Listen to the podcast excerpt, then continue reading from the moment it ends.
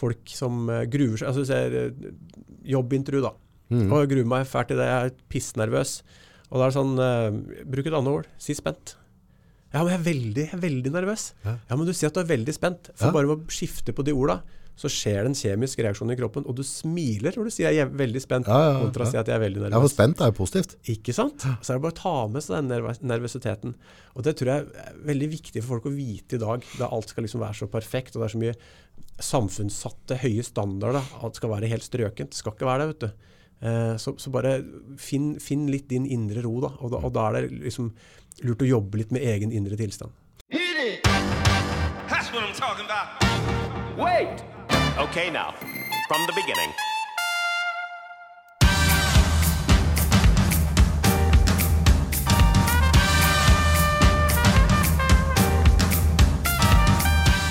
Tre, to, én. Velkommen til Nordpodden, Frode Moen. Takk for det. takk for det. Vel- Vel, veldig, hyggelig å bli bedt. Gleder meg veldig. Du, du blir framsnakka fryktelig av folk. Neimen, Ja, det var veldig jo det. var så hyggelig å høre. Du, fortell litt om eh, hva du jobber med. Du jobber jo i Sonans karriere, er det det? Yes, jeg jobber i Sonans karriere. Eh, Der jobber jeg som eh, jobbsenteransvarlig og markedskoordinator for Innlandet. Det hørtes veldig komplisert ut. Ja, Ja. ja, I praksis da, så betyr det, hvis du ser bort fra koronatida, ja. eh, da det gjelder det med, med jobbsenter, så eh, på jobben så har vi to svære rom. Eh, der er det masse datamaskiner, og dit kommer det da folk som har litt behov for hjelp til CV-er, søknader, eh, registrering hos bemanningsbyråer osv. Eh, og da er vi der som veiledere og, og hjelper de med det. Eh, som ansvarlig for jobbsenteret, så er det jeg som på en måte planlegger alle aktivitetene. Eh, alt fra liksom eh, noen forelesninger om eh, hvordan analysere en utlyst stilling, til ha en undervisning på karriereverktøy osv.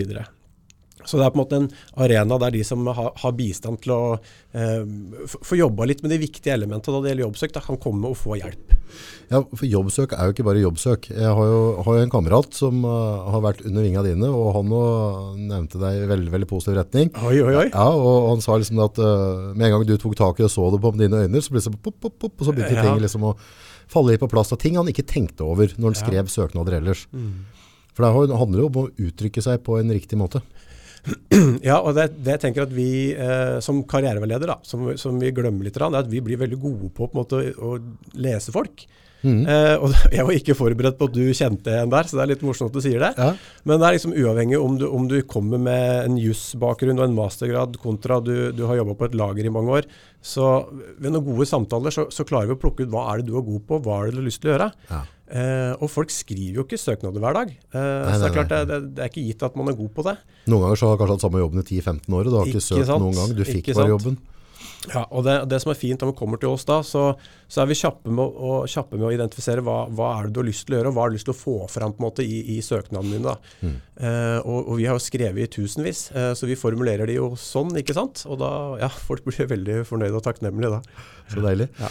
Men for det, altså, det du sier der er jo litt sånn interessant, for um, hva er det du liker å gjøre, og hva vil du med livet ditt? For, for uh, i en travel hverdag, da, så tida går og livet går, og så, og så roter vi oss litt bort, og så glemmer vi egentlig kanskje hva vi brenner for og sånn, for det er ganske viktig at du faktisk søker på en jobb der du kan være med å gjøre en forskjell, og der du kan på en måte bidra med dine talenter. Men på et eller annet tidspunkt så glemmer vi litt her. Har du, ser du mye i det? At folk har liksom Ja, eh, du har, eh, ja, du har skrekkeksempler. Eh, folk som har tatt en viss studieretning, fått seg en bachelor, eh, si eh, ut i barnehage, så kan det være at vedkommende kommer til oss, ha, har jobba i barnehage i fem-seks år, og så sier de vet du hva, jeg har egentlig aldri likt å jobbe med barn.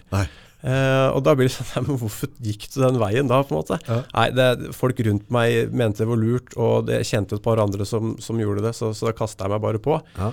Eh, og det er klart, det, det, det slår litt feil, så da, da, har du liksom ikke, har du ikke tenkt gjennom det helt. da. Uh, Nå har du tenkt over det, for det, altså der, i Norge, alle som på en måte ønsker å studere, vil jo få et studielån. Eh, det er kanskje det enkleste lånet du kan få i Norge, vil jeg tro. Eh, men det blir jo veldig lite sånn altså bare, Nei, du, jeg har lyst til å studere dette der, liksom. Så bare Ja, men hva er sjansen for at du får jobb i dette her? Er dette en god investering i framtida di? Så er det jo snakk om at vi er liksom 18-19-20 år, forholdsvis unge, og skal gjøre egentlig ganske sånne dramatiske valg for, for en hel karriere. Eh, og der tror jeg det er veldig mange som på en måte har tatt da, en master eller et eller annet i noe. Og så, altså, jeg var ferdig på, på videregående, og så visste jeg egentlig ikke helt hva jeg skulle gjøre. Så jeg bare jeg ble med venninna eller kompisen. Ja, jeg tror det var litt verre før, faktisk. Okay. jeg, jeg husker for noen år siden eh, så så jeg en, eh, en liten dokumentar på TV 2. Jeg tror de kalte det 'Generasjon prestasjon'. eh, Ja. Der de intervjua en del eh, unge mennesker som hadde begynt på studiet. Eh, og flere av de var jo såpass ærlige at midtveis så skjønte jeg at dette her er ikke noe for meg. Eh, og da spurte jo eh, journalisten ja, hva, hva, hvorfor slutta du? Nei, jeg valgte jo fordi venninnene mine ville dette her. eh, og jeg tenkte ikke ordentlig gjennom det sjøl. Mens jeg ser jo i dag, eh, det er så mye tilgjengelig hjelp å få. Du, du, har, du har så mye karriereveiledning, eh, det er så mye ja. tilgjengelig eh, ute på nett. Det er masse sånne gratis tester, analyser du kan gjøre. der du legger inn på en måte hva interesser, ting du kan tenke deg, og, og da får du på en måte et menykart over hva som er mulig. Ja vel. Og det, og det er litt interessant. Eh, det er noe vi bl.a. kjører hos oss. Da. da bruker vi noe som heter karriereverktøy. Ok. Og det tar 100% utgangspunkt i dine interesser. Så når du gjennomfører den analysen, så, så skal du uten å bruke huet noe særlig, bare hake av for, for hva det er du liker å gjøre. Ja. Eh, og ut ifra det så kommer det en del eh, yrker, og, og da kan det være en del yrker som ikke du visste at eksisterte på bakgrunn av eh, dine interesser. Yes. Ja, og, og en annen ting som er så fint med det verktøyet der, at da, da eh, er det direkte linker, så du kan se eh, hvilken utdanning trenger jeg, eh, hva slags jobber finnes det der ute, eh, hva er snittlønna på dette her, eh, finnes det jobber i, innenfor dette i det private, finnes det i det offentlige, osv. Og da, da får du på en måte eh, et, større, et, et bedre kart da, å Ja. navigere i, ut ifra eh, ditt indre kompass, som da er dine verdier og interesser. For det skal du ikke glemme. Nei, jeg må ikke gjøre det, vet du. Så det er veldig dumt å bare hoppe på noe for å, for å gjøre det. Tar det lang tid å kjøre en sånn test? Nei, det, det gjør det ikke. Eh, den, skal gå, altså den skal gå intuitivt, den skal gå på, på, på magefølelsen. Så den, den kan du dra gjennom på en ja, 20 minutter, halvtime. Har vært gøy å prøve det en gang. Ja. Sett hva, Ja. hva jeg passer som. Ja, men det, det kan vi få til, August. Kanskje jeg Eh, finner, finner, finner den hylla jeg hører hjemme òg. ja, du, du gir deg med dette og begynner med noe helt annet. Nei, ja, men sant, Jobben starter etter du har gjort analysen. Eh, for folk blir litt sånn overrasket. Oi, shit, er det så mye forskjellig jeg kan gjøre? Er det, er det så mye muligheter jeg har? Eh, og det er da veiledninga starter. ikke sant? Eh, og, og da må man på en måte begynne å tenke litt fram i tid. da. Vil jeg gjøre dette her? Hvordan eh, vekter jeg denne jobben opp mot dette yrket, osv. Så, så, men du får noe Det blir ikke så mye tilfeldigheter. Du får, det liksom helt konkret Dette er det som finnes ut ifra det du er interessert i. Ja. Og da har man liksom noe konkret på papir. Da, og, Ligger det òg utdannelse i bakgrunnen der, eller er det bare interesse det går i der? Eh, kun interesser. Kun interesser. Yes. Så, da, da, så ut ifra interessene så får du all slags yrker. Det kan være lege, som du trenger masse år på skole for. Og det kan være at du, ja, du har lyst til å mm, jobbe som maskinfører. Altså alt kommer fram. Mm. Så genialt. Men det, det, det med mm, å, å velge, velge et yrke det, er- altså, Der er det jo veldig veldig mange av oss som har på en måte synda. Altså vi er på en måte vi havner i en jobb, vi ikke altså vi, vi trengte noe lønn og ditt og datt. Og så, og så, og så, altså, jeg vet ikke hvor lang tid vi bruker på jobb gjennom livet vårt, men det er forholdsvis mye. Det er en stor del av livet. Absolutt. Det er ganske viktig og, å faktisk finne ut hva du ønsker å gjøre. Da. Ja, eh, jeg tenker altså i, i mitt hue da, eh, så, så er det, det er ikke så nødvendigvis akkurat hva du skal gjøre, men at du må gjøre noe du trives med. Ja. Ja. Eh, I disse koronatider så, så har vi hatt en del gjesteforelesere inne hos oss på jobben. Blant annet deg, som Ja. var kjempefint. Tenk på det. Men også hadde jeg en veldig art, eh, artig dame der, ei som heter Mette, Ja. eh, som er daglig leder for Jobzone på Hamar. Ja. Eh, utrolig artig yrkeshistorie hun har å fortelle. Uh, hun starta med å ha lyst til å bli veterinær. Ja. Begynte på veterinærstudiet. Uh, fant ut at nei, jeg begynner på Politihøgskolen for jeg skal bli politi. Blei politi, trivdes med det i veldig mange år. Eh, og så tenkte jeg nei, nå får jeg prøve noe nytt. Så var ledig stilling i fart fotball, så gikk inn der og ble daglig leder der en stund. Og uten å kunne offside-regelen, tror jeg. Ja. Trivdes der også. Eh, og etter å ha vært der en stund, så endte jeg i eh, bemanningsbransjen og eier jo nå Jobzone. Yes. Så det, det er ganske fascinerende. Og hun har trivdes på alle arenaer. Og, og sånn tror jeg det er for mange av oss, eh, at vi kan trives med veldig mye forskjellig, men det må på en måte være i tråd med dine interesser og dine verdier. Ja. Og så tror jeg det handler veldig mye om kollegaer. Ja. Fordi i, Hvis du driver med ren coaching, da, Ja. eh, så hvis du spør folk hva du vil bli, og, og sånne enkle spørsmål, så kommer det gjerne jo jeg vil bli det, det eller det. Eh, men hvis du, hvis du stiller dem et annet spørsmål, hva er det som gjør at du blei akkurat den jobben der? Ja. Eh, eller hva var det som gjorde at du trivdes i den jobben? Ja. Da svarer de jo, vet du hva, det var så ålreite kollegaer, og vi gjorde det så mye moro sammen. Ja. Vi, vi hang jo sammen på fritida, og, og vi tok en fest sammen og sånne ting. Ja. Da kommer plutselig, da er det ikke det faglige eller det, det jobbtekniske de, de svarer, da er det liksom folka, da. Ja. Så jeg tenker det er en kombinasjon da, av eh, menneskene, altså kollegaene, og at, du- at du liker det du driver med samtidig. Ja, jeg har jo um, hatt mye forskjellige jobber.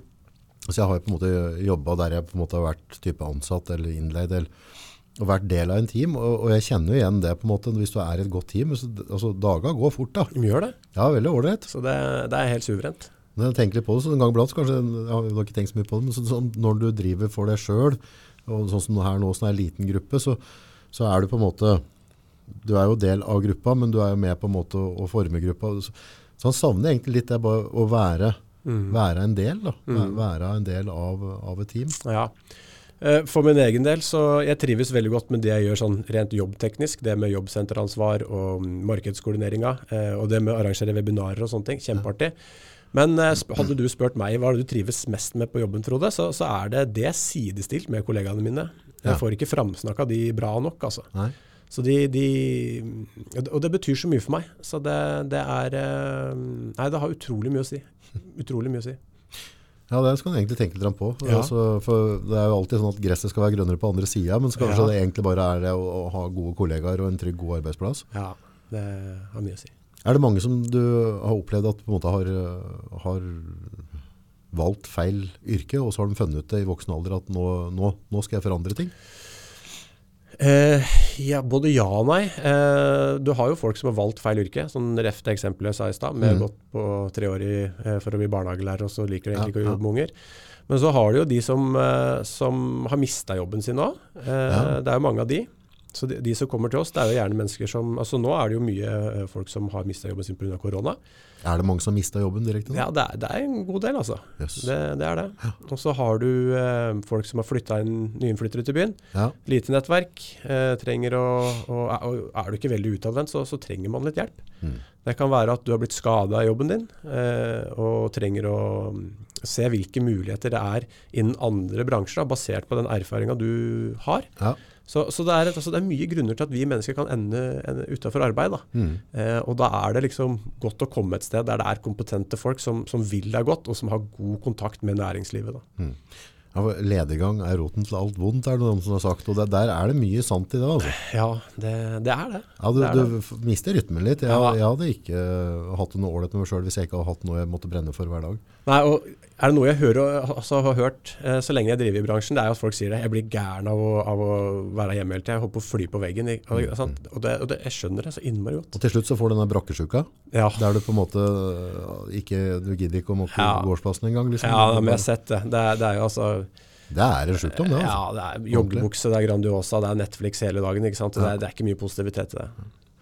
Der, der uh, Idmoen var litt gøy, for jeg hadde en, en uh, kjempekonflikt med, med dattera mi på snart 13. Uh, hun møtte opp på skolen i joggebukse. Ja, Uh, Der var ikke pappa helt enig. Nei, nei, nei. For jeg sier joggebukse, det er for folk som ikke gidder å kle på seg om morgenen.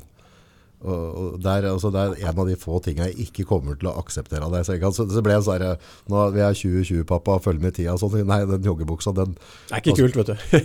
du, det er, det er sånn, et sånt tegn på at du har gitt opp. ja, faen. Er det ikke det? Ja, jeg er enig. Ja. Nei, så det, var, det ble en sånn kjempegreie, så det, der dro jeg vetoretten, liksom. Det, er- det, er bare, det, det skjer ikke. Du skulle, du skulle plussa på noen crocs, da, vet du, så hadde det vært godt. av gårde. ja. ja, men det er et eller annet, jeg, jeg føler at noen sånne små tegn kan være liksom eh, et svar på at folk har gitt opp. At de, at de, for, for faren er jo på en måte, hvis du detter utenfor et eller annet system, så til et tidspunkt så mister du selvrespekten for deg selv. Eller altså, du mister en eller annen stolthet, du gir opp litt. Ja, altså, sjølrespekt er én ting, men du, du mister altså Det jeg ser at folk mister litt trua på seg sjøl, da. Ja, Eh, Men det, det, det er ofte så lite som skal til, ikke sant. Eh, og utfordringa for mange er at de ja, Si at de har mista jobben da, og, og, og blitt dømt litt sånn dårlig av, av de rundt seg. da. Og så har de prøvd å leve opp til en standard som ikke klarer, og da gir folk litt opp. Men jeg ser det at med, med litt gode samtaler, da, der, der folk får liksom fortelle om seg og sitt, eh, og hva de kan, så gløder de.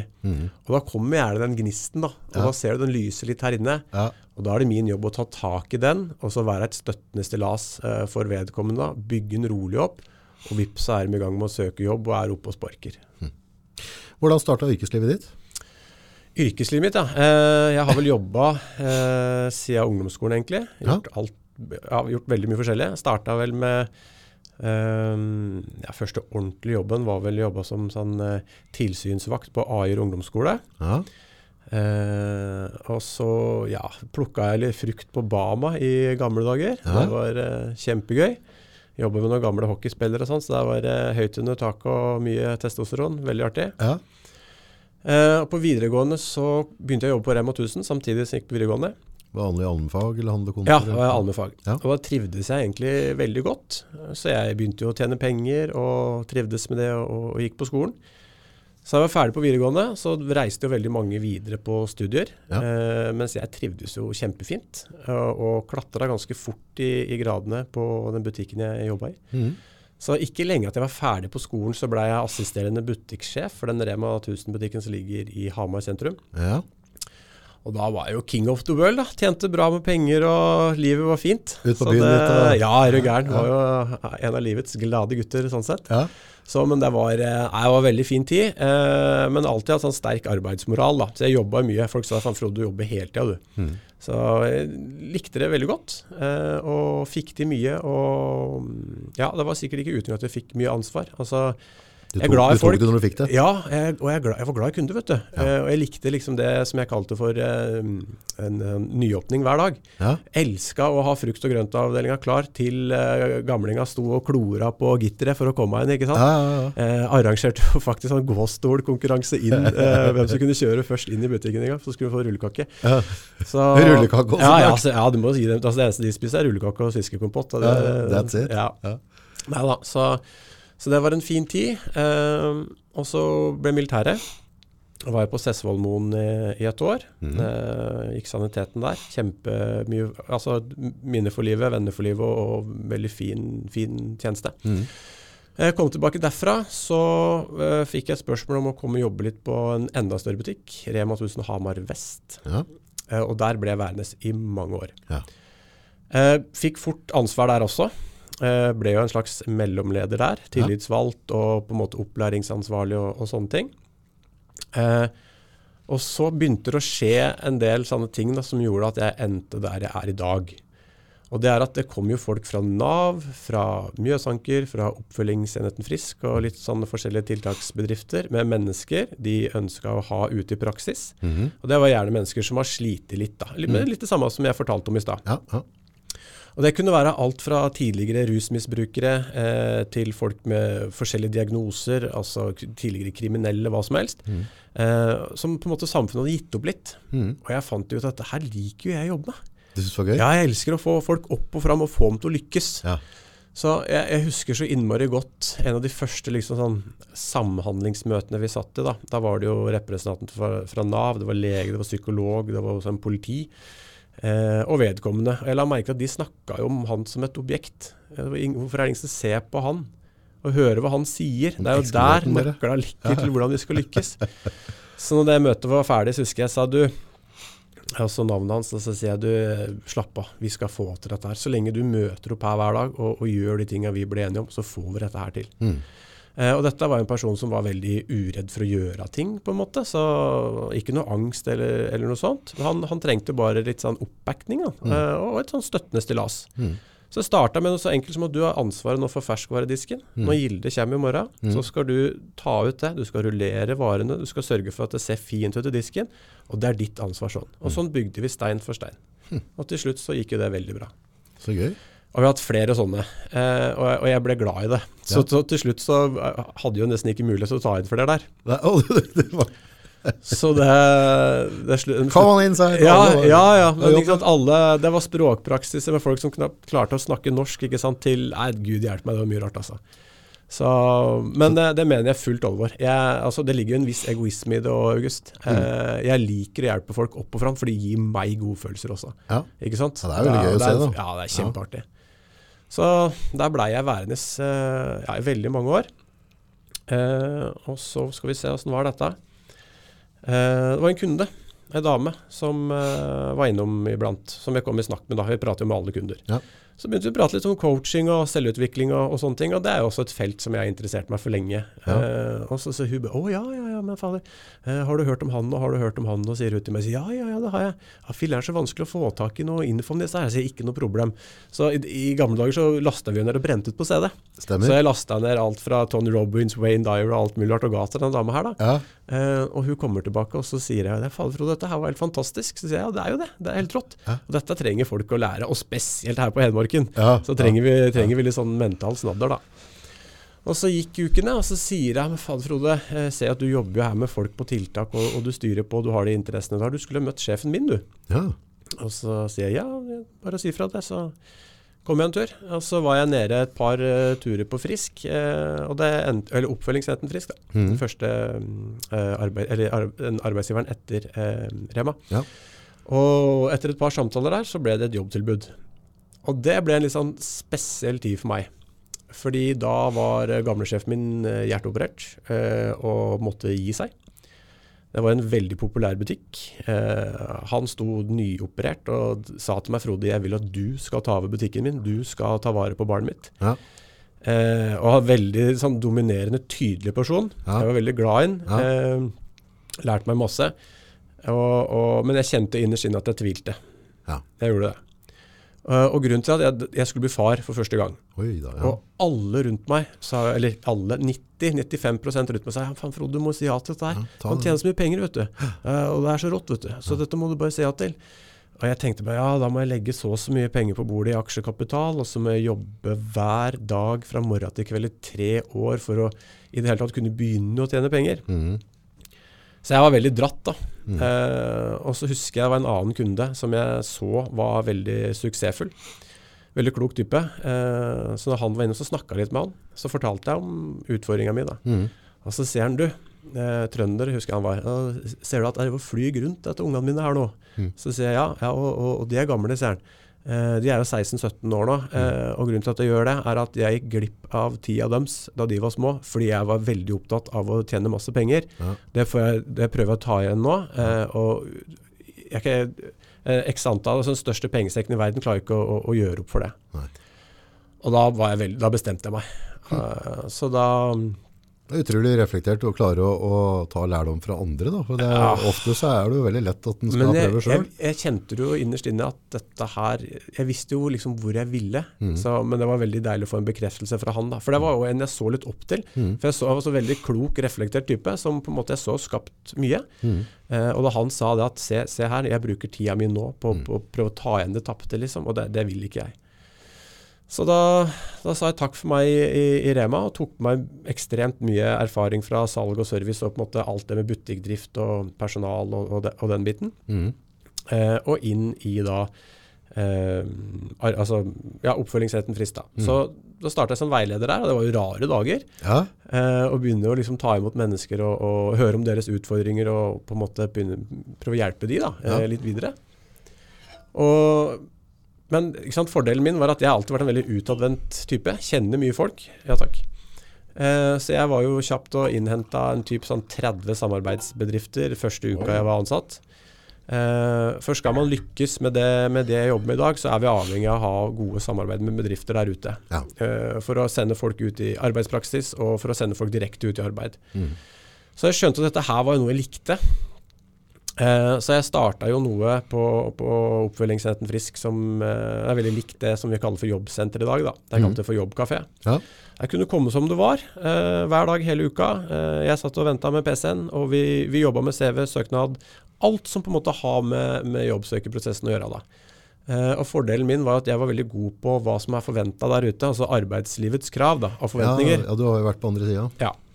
Eh, også når jeg var ute med folk som skulle Altså praksis er veldig mye brukt før. Så jeg var ute med mennesker i, i eh, og skulle ha dem ut i en praksis hos bedriftene, så klarte jeg Jeg snakker språket til bedriftene, da. Uavhengig om det er på, en, på et byggvarehus eller en eh, jernvare eller Kiwi eller you name it. da. Så så fikk jeg det til, da. Eh, jeg merka at jeg var annerledes, eh, fordi mine kollegaer er jo gjerne veldig høyt utdanna folk. Mm. Veldig mye eh, akademiske mennesker. Eh, men samtidig så Jeg tror de likte den annerledesheten jeg kom med også. Mm. Og den kunnskapen jeg hadde fra salg og service og, og varehandel. da. Mm. Og min måte å jobbe med mennesker på. Mm. For jeg, jeg har jo jobba hands on med de menneskene som de sender Ja, ut. ikke sant? Ja, ja. Så det, det ble, ble på en måte min styrke. Eh, så der, eh, der ble jeg mange år og hadde det kjempefint. Og så har gått videre til nå, sånn hans karriere nå. Ja. Ja. Eh, jobba våre de er jo basert på anbud. Ja, Så jeg husker jo eh, disse tiltakene vi jobba med, ble jo lagt ut eh, på anbud. Mm. Eh, og da tapte Frisk eh, det anbudet. Og så ble det vunnet av noe som heter Nordic Academy, som i dag eies av Sonans. da. ok. Så da var ikke jeg snøvere at jeg snudde meg kjapt. Eh, der, og der har du litt med den mentale innstillinga òg, da. Alle andre rundt grein jo og surva og syntes dette var helt forferdelig. Det syns jeg også, men det holdt med én dag. Ja. Og da fant jeg ut hva kan vi gjøre nå? Og da var det å begynne å spore opp eh, hvem er det de nye eierne. Har jeg aldri hørt om det før. Hvem er hovedsjefen? Fant ut hvem hovedsjefen var. Og jeg visste jo hva han trengte. Han trengte mennesker som samarbeida bra med det offentlige. Som eh, mennesker som eh, har gode kontakter i arbeidsmarkedet. Kjempeviktig. Og, og mennesker som veit hva dette her går i. Mm. Så jeg lagde en presentasjon av meg sjøl og et knippe eh, kollegaer. Og sendte, serverte alt på gullfat. Her har du, du her er alt du trenger. Ja, kjør. Så det tok jo ikke lang tid før det var eh, jobbintervju. Eh, og alle vi som ønska å, å få jobb, vi fikk jobb. Så bra. Så det var ganske rått, da. Så det Så det var ikke lenge uten jobb da. Nei, vet du hva. Eh, Siste dagen min på Frisk, så gikk jeg, tok jeg med meg, eh, tok jeg med meg eh, kassa mi, satt den i bilen på åttemetersplanet, låste bilen igjen, gikk opp i Strandgata 61 og starta opplæring i ny bedrift på samme dagen. Tenk på det. Ja, det er ganske kult. Det er tøft. Ja. Da, da lar du ikke vente på. Nei. Eh, og der fikk vi en kjempefin start. Jeg tok jo som sagt med meg eh, de eh, beste kollegaene mine fra Frisk, og vi eh, fikk jo en flying start eh, der borte. Vi visste jo hva det gikk i. Eh, og, og, var nye lokaler bare. Ja, ja, ikke nye lokaler, nytt navn. Litt sånn annerledes måte å løse ting på, men eh, det, det, det, de draktene er ikke så forskjellige, så de tar det på deg ganske så kjapt. Ja.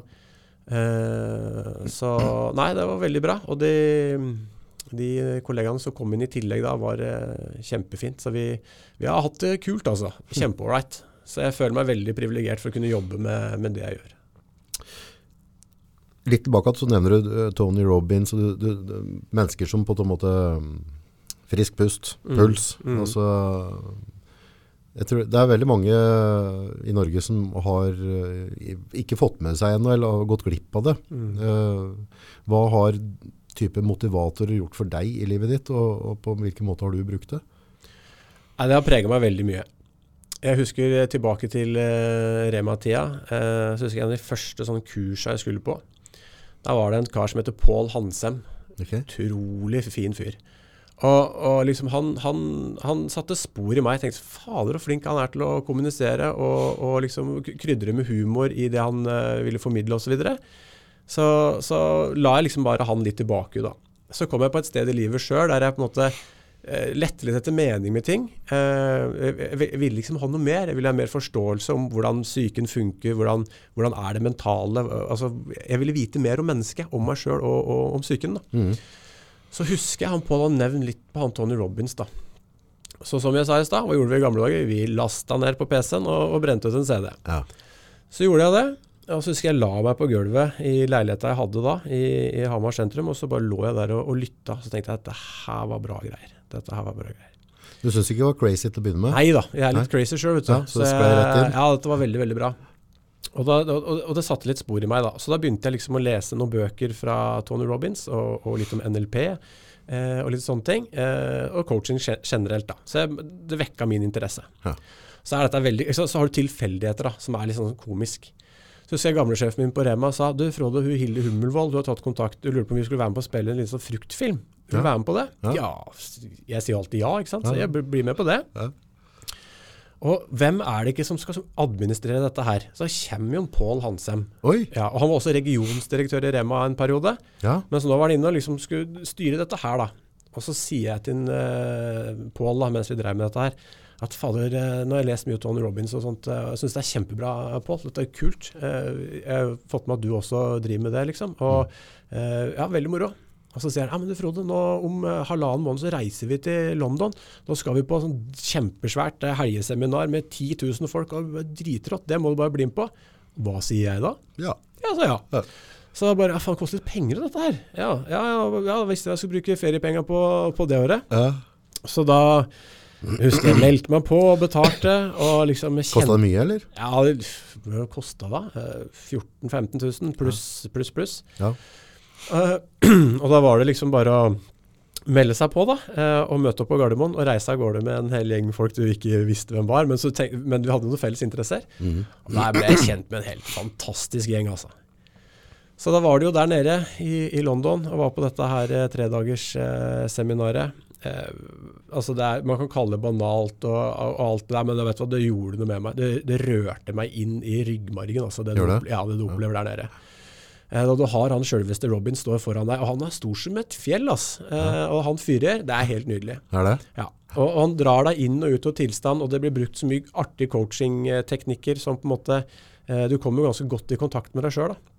Og så avsluttes det med å, å gå på glødende kull, ikke sant? Og Ja, ja, afrikanske trommer, og du, ja, ja. og du gjør noe med indre tilstand da, som bare er helt magisk. Han er, jo, han er jo så enormt stor nå, så altså, hvor mye følgere har han har egentlig? Nei, Jeg vet ikke, men han jeg syns han har vært stor hele veien. Ja.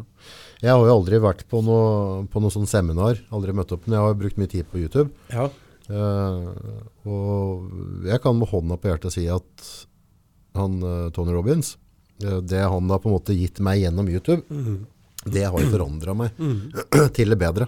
Altså, jeg hadde ikke vært der jeg var nå i dag, hadde ikke vært for han. Nei. Nei. Men det har gått sånn i perioder, det har vært litt sånn inn og ut. Ja. Men uh, i en sånn kritisk fase, der, eh, der du prater litt om det selvbildet og den biten der, der jeg på en måte jobber litt og snur på det der, så var han helt komplett avgjørende. Ja. Og så er det noe med når, du begynner å blande litt sånne elementer inn i livet, da, noe sånn lærdom eller kunnskap, kall det hva du vil, så skjer det en del sånn positive bieffekter. Er det rart. Så den gjengen jeg ble kjent med der nede, eh, som vi reiste med, eh, det var et knippe nordmenn. Det var altså helt fantastiske folk. Så eh, vi blei veldig inspirert eh, av noe som heter Tony Robbins eh, Basket Brigade da, -hmm. eh, der nede. Eh, og og en del sånn veldedighetsstunt. da. Ja. Så når vi kom tilbake til Norge, så fant vi ut faen, vi må gjøre noe lignende. Ja, så disse gutta som jeg reiste med, de har ganske greit med kontakter. Så vi startet noe som heter Gi det videre. Okay. En veldedighetsorganisasjon. Ja, Der vi fikk låne et lokale, fikk vi gjerne låne gratis. ja, Eh, så fikk vi en ekstern foredragsholder. Det kunne være ja, innen hva som helst, bare være en kjent person som hadde noe bra å komme med. Vi hadde alt fra Arne Næss senior til eh, skal vi se, Ole Robert Reitan, eh, og han der Fedon Lindberg, altså alt mulig rart. ja. Eh, og det funka så bra, vet du. Eh, og jeg husker jeg satt i bilen eh, på vei inn til Oslo en gang. Jeg bare kjente på en sånn ekte glede at dette her liker jeg skikkelig godt eh, å gjøre. Og det var ikke noe jeg tjente på dette her i kroner og øre. Men det, det, det vi fikk gjøre, det var å ha med folk inn uh, uh, uten å betale en krone for å høre på noen som har et sterkt budskap å komme med. ja. Uh, og, og, og hvis du ville gi noe, så kunne du det. Og da var det foredragsholderen som, som ga det videre til et bestemt formål. Da. Så, det, så det var liksom så utrolig fint. Og så et år så ble det samla inn masse mat, klær og annet da, som ble gitt til registrerte eh, trengende da, i, Ja. i Oslo og omegn. på en måte. Så dette dreiv vi med et par år, og, og det mm, her var helt rått. Så du ser liksom veien fra den samtalen på Rema 1000 til jobben, blank, ding, ding, og så plutselig er du der, da. Ganske sprøt. Så hvordan det har prega meg Jeg har bare lyst til å si kort om det. Hvordan det har prega meg, det har alltid ligget der.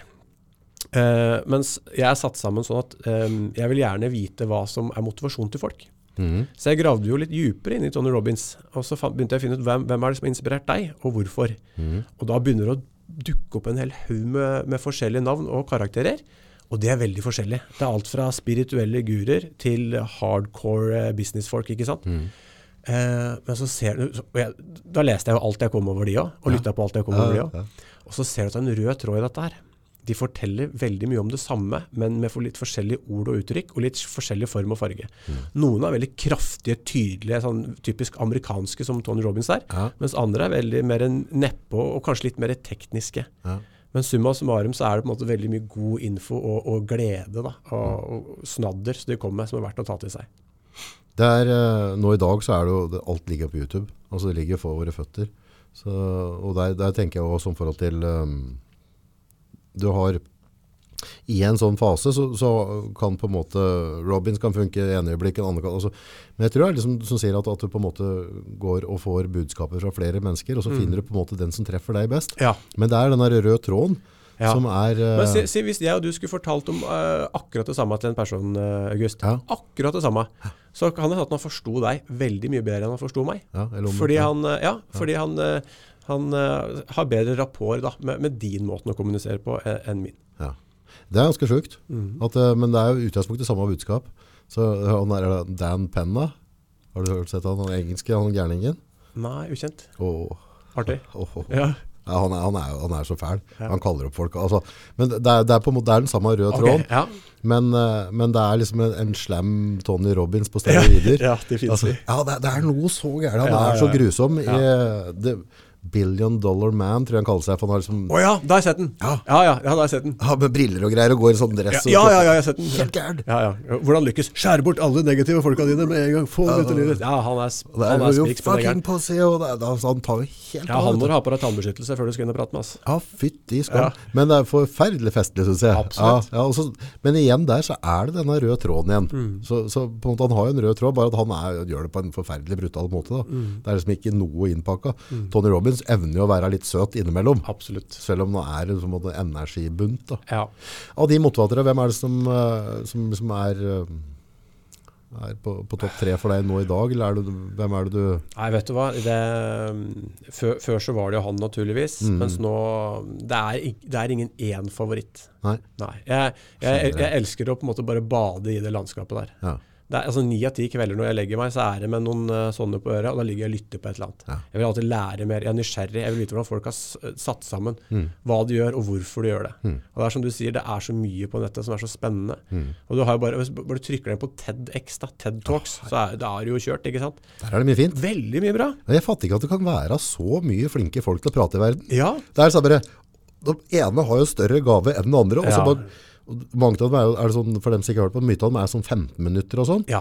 Og så klarer de å komme med et helt fantastisk budskap på 15. Jeg fatter ja og er begriper ikke. Det er helt rått. Det må jo ha, altså, har de ikke nerver? Altså, Jo, det har de. Det skal jeg love deg. Hæ? Ja, De som sier at de ikke har nerver, de ljuger. Ljuger, Så altså. enkelt er det. Ja. ja.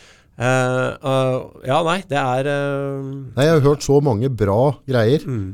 Eh, altså, jeg, jeg, ja, nei, jeg fatter ikke at det kan være så mye dyktige mennesker til å, å formidle budskap. Nei, altså, jeg tenker det har, altså, viktigste er egenskapen nysgjerrighet. da. Ja, Og hele tida være nysgjerrig, lære noe mer, tilegne deg noe ny kunnskap. ja. Eh, som gjør at du, du på en måte får et litt bredere synsfelt, og navig klarer å navigere litt tydeligere i livet sjøl. Eh, og jeg har lyst til å si det, August, i forhold til korte avstander. Ja. Altså, De som er populære der ute, på YouTube og, og det ene og det andre Du har jo han eh, godeste Grant Cardone. Oh, yeah. Jeg husker jeg satt og eh, bare tråla gjennom eh, eh, LinkedIn eh, en dag. Mm. Så ser jeg jo CG Nord Media, August Nord, har jo fått inn sjølveste Grant Cardone. Ja, var det Jeg- jeg- Espen som Jeg fikk hakaslepp. Jeg tenkte, ja, nå, nå har det skjedd ting. Nå sjølvesten er å prate med, med noen som sitter borte i Brumunddal. Da er det muligheter her i verden, altså. Det er, det er jo helt sjukehus. Og Espensen begynte å kjøre, kjøre mail att og fram der og ordna styra, og så fikk vi hooka det på. Men det var veldig sånn komisk hele opplegget, for det, det ble flytta og greier. Ja. Men det, det, det starta med at eh, koronaen kom og, og dro til oss. Altså det året her har jo vært eh, Spesielt for alle. ja, veldig, veldig spesielt. Og, og, så, så vi tenkte som nå får vi bare prøve å gjøre det beste ut av det. Vi kommer ikke til å tjene noe penger i år, og vi får heller bare prøve å holde nesa over vann. Satse på at, vi Dra noen triks. ja, og så tenkte men alle de store, dem har jo bare fått revet filikalenderen sin. da. Så vi begynte å se, vi, vi sendte til Donald Trump og alle, vi. Ja, Ja, ja, Bill Clinton og tror, Ja. altså, alt vi bare, vi bare, send ut, kjør ut. ja. Espen lagde bare den eh, jålemailen på engelsk og dundra ut. Så slo han til. Ja. Og så satt vi her på kvelden, for det er en forskjell på tidsgreier og styr og stell. Så tror jeg det var tolv-halv ett på natta. Så kom den ikke på. Og så sitter vi liksom og tenker nei, gi blaffen. ikke? Og I utgangspunktet så kan jeg egentlig snakke engelsk. Men jeg har liksom ikke benytta meg av det de siste fire, fem, seks åra. Så jeg kjente litt på det. Forskjell på å lytte på engelsk og uttale seg på engelsk. ja, helt vanvittig. Jeg har hatt noen engelske kompiser før, og da fløt det. Så, mm. Så, I min minne da, så kan jeg snakke på inn- og utpust på engelsk. Ja.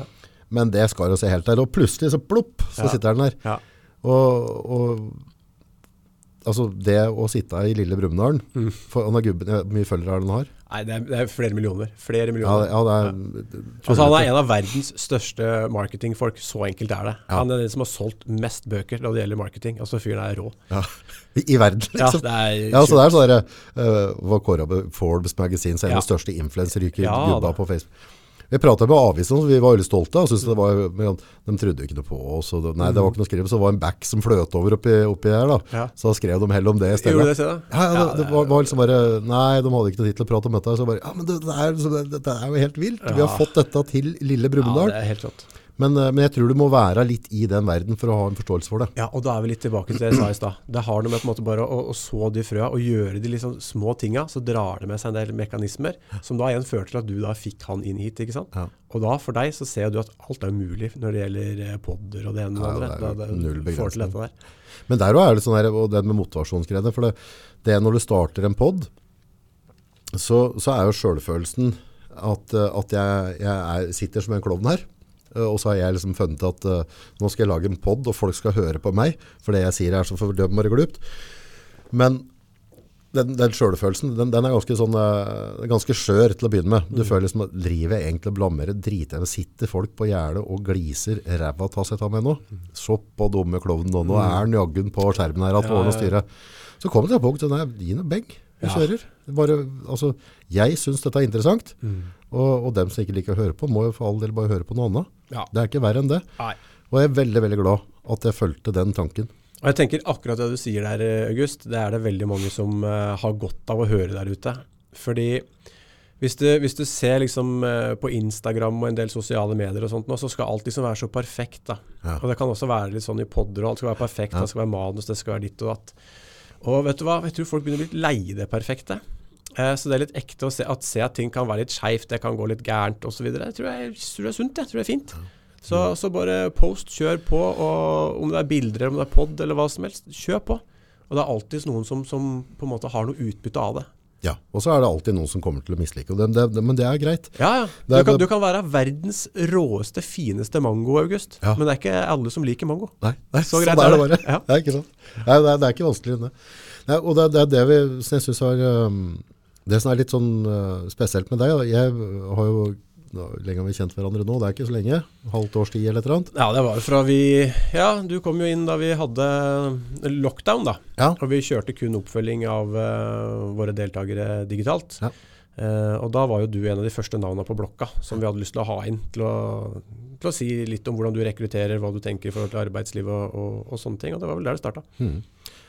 men det jeg har lagt merke til er at du er jo uavkortet en veldig positiv type da. Og så, og så skjønner jeg godt at du, at du gjør det godt i jobben din, for du er jo en veldig sånn løsnings... Jeg har stilt noen spørsmål i forhold til noe sist, forhold til noe, noe foredraggreiene der.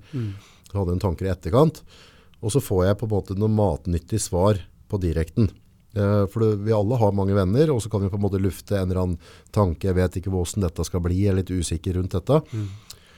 Eh, og, så, og så blir det egentlig med den luftinga, men du får på en måte ikke forankra det.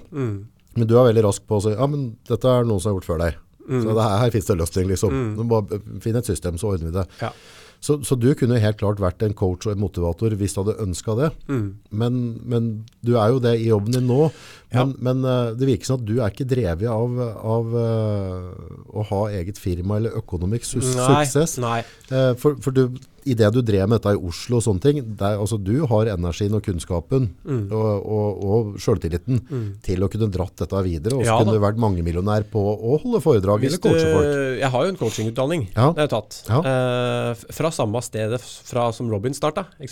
Robins ble jo inspirert av Richard Bandler, som står bak en sånn coaching-metodikk Ok. som heter NLP. Ja vel? Eh, og der er også jeg skolert. Yes. Eh, så der brukte jeg ja, vel to år på, på å dra gjennom det. Så, så jeg kunne fint ha jobba én til én med, med ren coaching, og det, og det er liksom, det er ålreit, det. Mens eh, hva, hva skal jeg si Nei, ikke drevet av penger. Det er jeg ikke. Nei, det virker ikke sånn Nei, at du er ikke- du, er er ikke, du er ikke full av ego. Ja, jeg har ikke, jeg har ikke mot det. Penger er kjempehyggelig. Jo, jo, Veldig fint. ja. Eh, mens absolutt ikke drevet av, av det. Eh, så Det er litt rart, for veldig mange er drevet av penger. Jeg er drevet av, av penger på veldig måte. Altså, eh, ja, det er jo ofte for at jeg på en måte steller meg på sånn måte at jeg må ha penger inn for å få betale regningene. Mm. Men, eh, men eh, det har alltid vært liksom en sånn økonomisk gullerot. ja. Foruten podden her, da. For det her har vi egentlig ikke det her har vi ikke Ja, nei, fokus vet du på. hva. det. Jeg syns det er eh, ålreit å få til de tinga jeg har planlagt. Det, har jeg enorm, det er mitt store utbytte, da.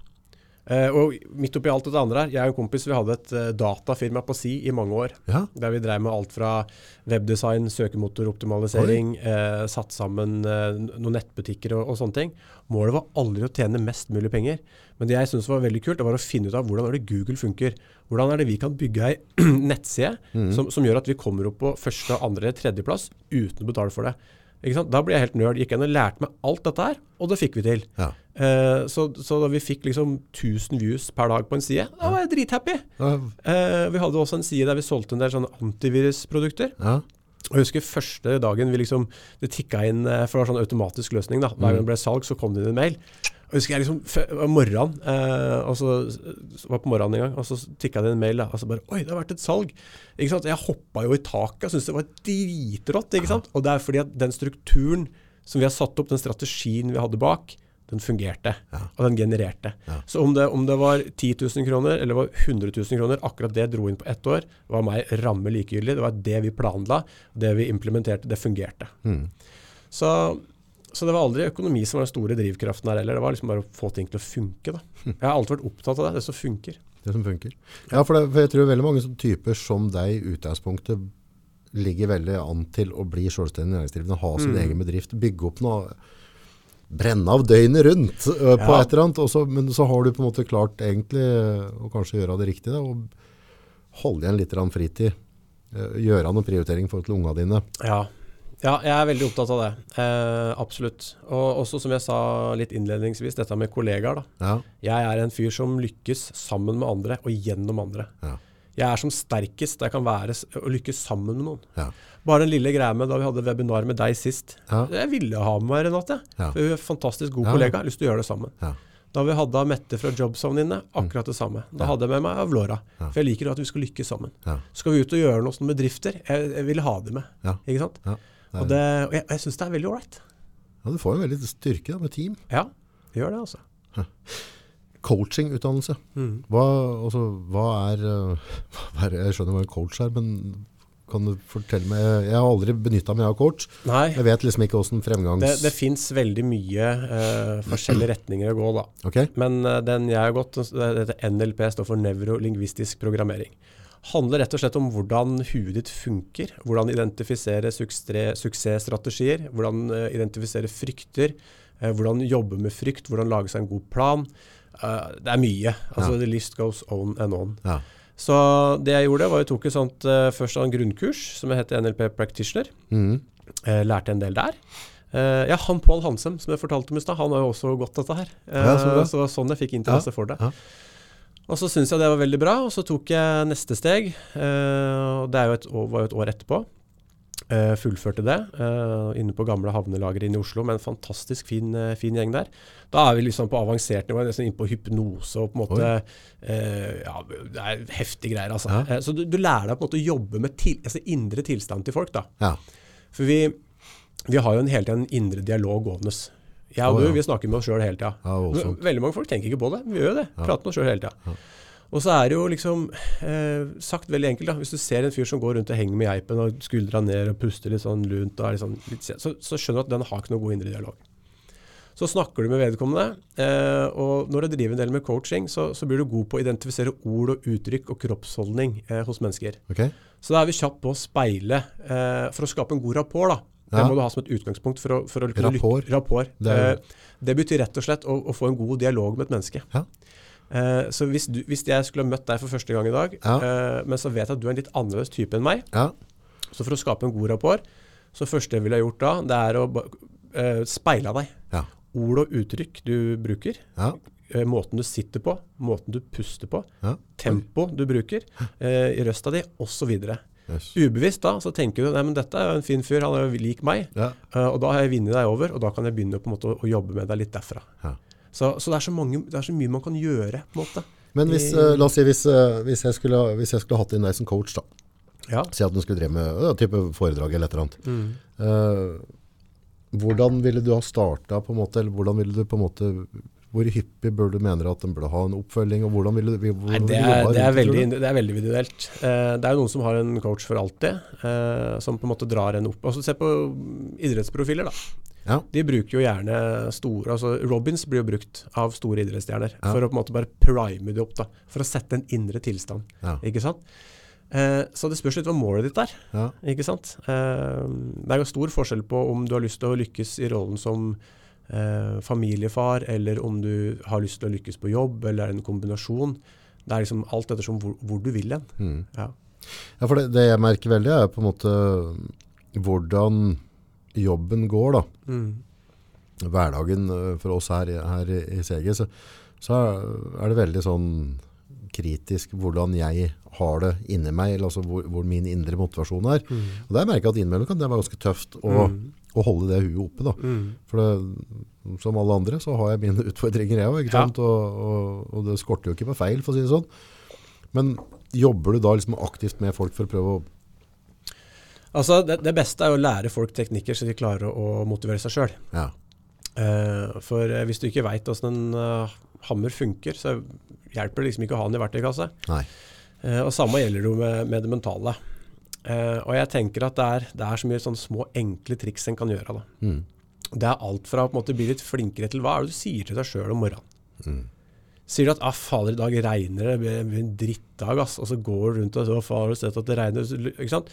Det er så, sånne små idiotiske ting. Eh, kontra å liksom være litt bevisst. Hva er det jeg sier til meg sjøl jeg står opp om morgenen? Ja. Ja, det, det regner, ja det er vær, det er greit. Ja. Så kan du krydre dem med du, hva er det jeg egentlig er ganske så fornøyd med i livet mitt nå? Og vips, så, så er du i gang, da. Mm. Hvem er det jeg har vært i kontakt med i siste som har hatt en god samtale med? Mm. Hva er det som har rørt meg den siste uka? Ja. Hva, hva er det jeg kan være litt mer takknemlig for? Og det som skjer da, altså hjernen er som en svarmaskin, Mm. så da, da, da gir den deg de gode svara. Jo, du hadde den fine samtalen med den, og så opplevde du det. Og så plutselig har du gode følelser, og så bryr du deg ikke så fælt om det været lenger. Nei. Ikke sant? Så, så det handler mye om måte, hva du sier til deg sjøl. Handler om å sette en følelse. Sette en følelse. Ja. Jeg liker å kalle det for indre tilstand. Ja. Jeg har alltid en ty type indre tilstand. Ja. Eh, og skal vi lykkes med noe, om det er på fotballbanen, eller om det er i forholdet hjemme med barna, eller det er i business, så er du nødt til å ha en, så du, du må ha en positiv indre tilstand. Du må ha en god holdning, og du må ha en god energi eh, for å skape et moment å bygge på. ja, og så virker det sånn at mye av de tinga, dem henger jo i hopet så. Det gjør de, Så absolutt. bommer du på ene bane, så, så kan du også gå litt på halvt på neste bane. Helt klart. Det, det er ganske vanskelig, for det, vi har jo i et liv, så er det mange liv i et liv. å klare på en måte å være i balanse på alle arenaer. Det er ganske tøft. Ja, og så er det noe med liksom, eh, den ytre verden, da, den får vi ikke styrt. Det som skjer rundt oss, det altså, det ting skjer, livet kaster ting på oss hele tida. Ja. Og han eh, var en Per Fugli som sa dette veld, veldig bra. Det handler ikke så mye om hvordan du har det, men hvordan du tar det. Ja. Ikke sant? For hvis du setter det på spissen, alt det vi opplever og føler, det skjer inni oss. Ja. Ikke sant? Mhm. Så, det, så det er en indre tilstand hele tida. Mm. er jeg husker du sa en gang at du, du var veldig kald i stressa situasjoner. Hvis det skjer mye fælt rundt deg, så er du rolig. Alle er ikke det, Nei. men det er, det er en egenskap du har tilegnet deg, som veldig mange andre ville ha hatt. ikke sant? Ja. Så det så er det liksom verdt å tenke på, da, eh, og på en måte være, ha, være sterk i seg sjøl. Og, og ha troa på seg selv da, og, og framtida. Det er veldig rart, dette, for jeg tror vi alle har en tendens til å snakke oss, altså begynne med den indre samtalen. Uh, og det er litt sånn rart, hvor, hvorfor, hvorfor har Gud skapt og sånn? Altså hvor, hvorfor, hvorfor er det så lett å snakke seg selv ned? Hvorfor er det så lett å tenke seg selv ned? Det er som, hvorfor ikke by default er vi bygd for å være av de positive? For det, det er fryktelig mye lettere å være negativ enn å være positiv.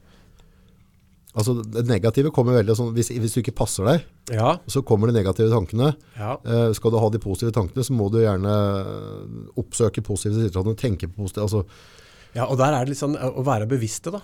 For hvis du er ubevisst hele tida, eh, hvem du omgås med, hva du gjør, så preger det deg. ikke sant? Og, og omgås du med folk som henger med geipen og er sure, ja, da, da blir du litt sånn sjøl, Ja. Så, så det handler om måte hva du bruker tida di på. Ja, Eh, hvem er det du snakker med? Ja. Hva er det dere gjør? Er det ting som gir deg noe, eller er det noe som Drar deg ned, drar deg ned og tar fra deg? Var det ikke en sånn studie på Harvard? De, altså, de hadde studert på masse eller hadde forskning på masse forskjellige studenter. Mm. Og de mente at, du, at de kunne bevise at du ble gjennomsnittet Mm. av de fem menneskene du omgås mest. Ja. Det er ganske ja, sprøtt. ja, dette er de forska på i evigheter, og det, det er helt riktig. Det er Jeg er sikker sikker på at hvis du tar fire eller ja, ta fire vaniljeyoghurt, og så setter du inn én eh, blåbæryoghurt. Så er jeg bare spørsmål om tid før den også blir eh, vaniljeyoghurt. Ja. det er såpass, ja. Ja. Nei, ja, men det er sant, det, altså. Eh, og, det, og det merker en eh, Det merker en sjøl også. Eh, jeg veit at hvis jeg har en litt dårlig dag, mm. så er jeg veldig bevisst hvem er det jeg snakker med, hvem er det jeg ikke snakker med. Mm. For jeg har alltid en eller annen kompis som støtt eh, glasset er halvfullt, ikke sant? Ja, og drar deg bare ja. enda mer, så kan du få sympati, og så kan vi sitte og klage og bitche, og så, og så er det litt godt der og da, men så er det, du er ikke tjent med det på, på langen. Nei. Eh, så da, da tar jeg heller en telefon til Robert, min uh, gode kompis, overvintra heavyrocker som støtt er blid, ikke sant? Ja, ja. Uansett når du ringer den, og ja, og da, det er litt sånn ålreit å være litt bevisst det der da. Ja. Hvem er det du omgås med, og hvorfor? Så det, ja. Ja, det, jeg, tror, eh, jeg tror det å velge omgangskretsen sin litt bevisst Mm. kan jo være lurt. Det er, kjempe, det er ikke bare lurt, det er kjempeviktig. Det er så mye mer viktig enn det folk tror. Fordi det som er litt sånn eh, Det man skal tenke på er eh, jo mer bra folken har rundt seg, jo mer bra kan de hente ut av deg. Ja, ja. Ikke sant? For, for hvis, du har, hvis du har følt deg veldig godt i et selskap eller sammen med andre, så har det gjerne noe med de menneskene som har vært der. De som har snakka med deg, stilt deg spørsmål, hørt på historien din, lytta deg, vist deg respekt. Og du har gjort det samme med de. Mm. Det, det er deilig. Mm. For da blir man på en måte løfta på et litt høyere plan enn det man er vant med. Mm. Mm. Så på en måte folk som er med på å elevate you, da, i mangel på et uh, annet ord. Så, så det er utrolig viktig, altså. For det åpner en del dører, en del gode følelser. Uh, Ja, så tror jeg det er viktig for folk å huske på det at, på en måte at uh, selv om du kanskje begynner, om du gjør bevisste valg på det, da, mm. så er det ikke dermed sagt at du skal slå hendene av gamle kamerater du har hatt hele livet. Men det er jo noe med å begrense, altså ha kontroll på den tida du bruker sammen med dem. Da. ja, jeg faller de tilbake er- på det ordet, og det å være, bevisst. Ja. Å være bevisst, det. Kjempeviktig. Har du noen rutiner i hverdagen din som du prøver å følge for å, for å holde deg eh, For du møter jo eh, i jobben masse folk som på en måte er i behov Mm. for å, å, å bli hørt og forstått Mm. og sånne ting. Absolutt. Og det, det å på en måte være en, kall det en omsorgsperson, eller skal på en måte se inn i eksempel livet mitt, og så skal du på en måte finne løsninger. Mm. Eh, og så er jeg kanskje negativ, for jeg har Mm. fått veldig mye motgang de siste to åra. Mm. Eh, men gjør du ting for å holde deg Ja. Ehm, jeg gjør nok mye bevisst, og så gjør jeg kanskje mest ubevisst. Eh, altså, vi har jo mange måter å restarte oss på, da, og refuele oss på. Ja. Ehm, jeg er veldig glad i å trene, f.eks. Ja. I å løpe. Jeg flyger fryktelig mye, Ja. og jeg finner stor glede i det. Yes. Eh, leser jeg en bok, så, så låses verden ute. Ja. Eh, jeg fyller på med energi. Ja. Podkast. Digger det. Syns det er helt fantastisk. Og noe av det råeste er eh, helgene mine, da jeg og unga bestemmer oss for å ha verksted. Eh, da gjør vi om stuebordet til et verkstedbord, rett og slett. Og der er det alt fra maling til limpistoler til driller til alt mulig rart. Ja. Så det koser oss. Da stopper tida, og da, da er jeg glad. Så jeg passer på å gjøre sånne ting. Det er jo brukbart. Og det, det gir meg energi. Da. Det er ganske artig. Ja, for det, det er jo noe med å finne de tingene som gir deg energi, og det som du på en måte ikke opplever at um, Veldig fort gjort i en travel hverdag, da. Mm. Uh, samme som jeg har hatt et ønske flere år nå at jeg hadde lyst til å begynne å trene igjen. Mm. Men hver gang jeg har prøvd å gjøre det, Mm.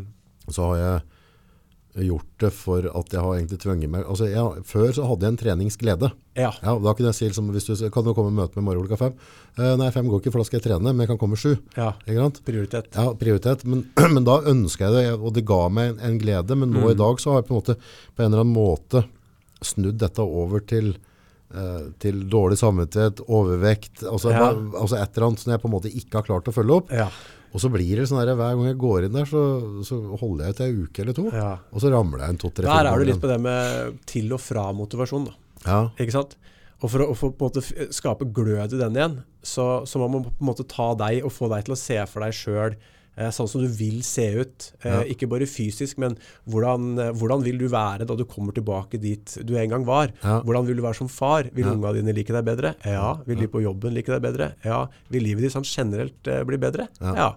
Og så er det begynt å leite etter eh, Ja, hva er det første du kan gjøre for å komme deg dit? Ja. Ikke sant? Og så er det bare å smelle på, og vips, så er du der tilbake. Ja, ja det, er, eh, det er viktig å finne riktig mindset på det. Ja.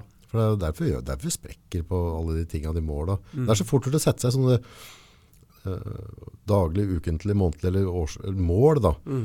Eh, og så opplever du å sette mål at det betyr veldig mye for deg, men så, og så blir det nedprioritert i påvente Ja. at du har et travelt liv ellers. Mm.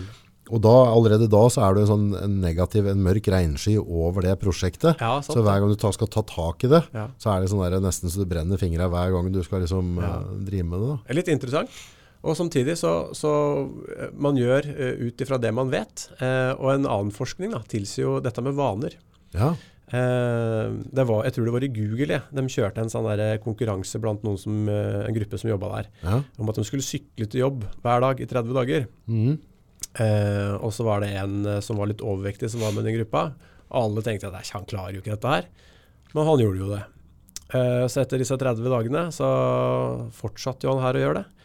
Og de bare Hva er det som skjer, liksom? Nei, fy fader, jeg har gått ned i vekt og føler meg bedre og jeg er sprekere og har mer energi og Ikke sant? De første dagene var helt jævlig. Mm. Eh, mens han hadde konkurranseinstinkt, så han skulle jo klare dette her, han.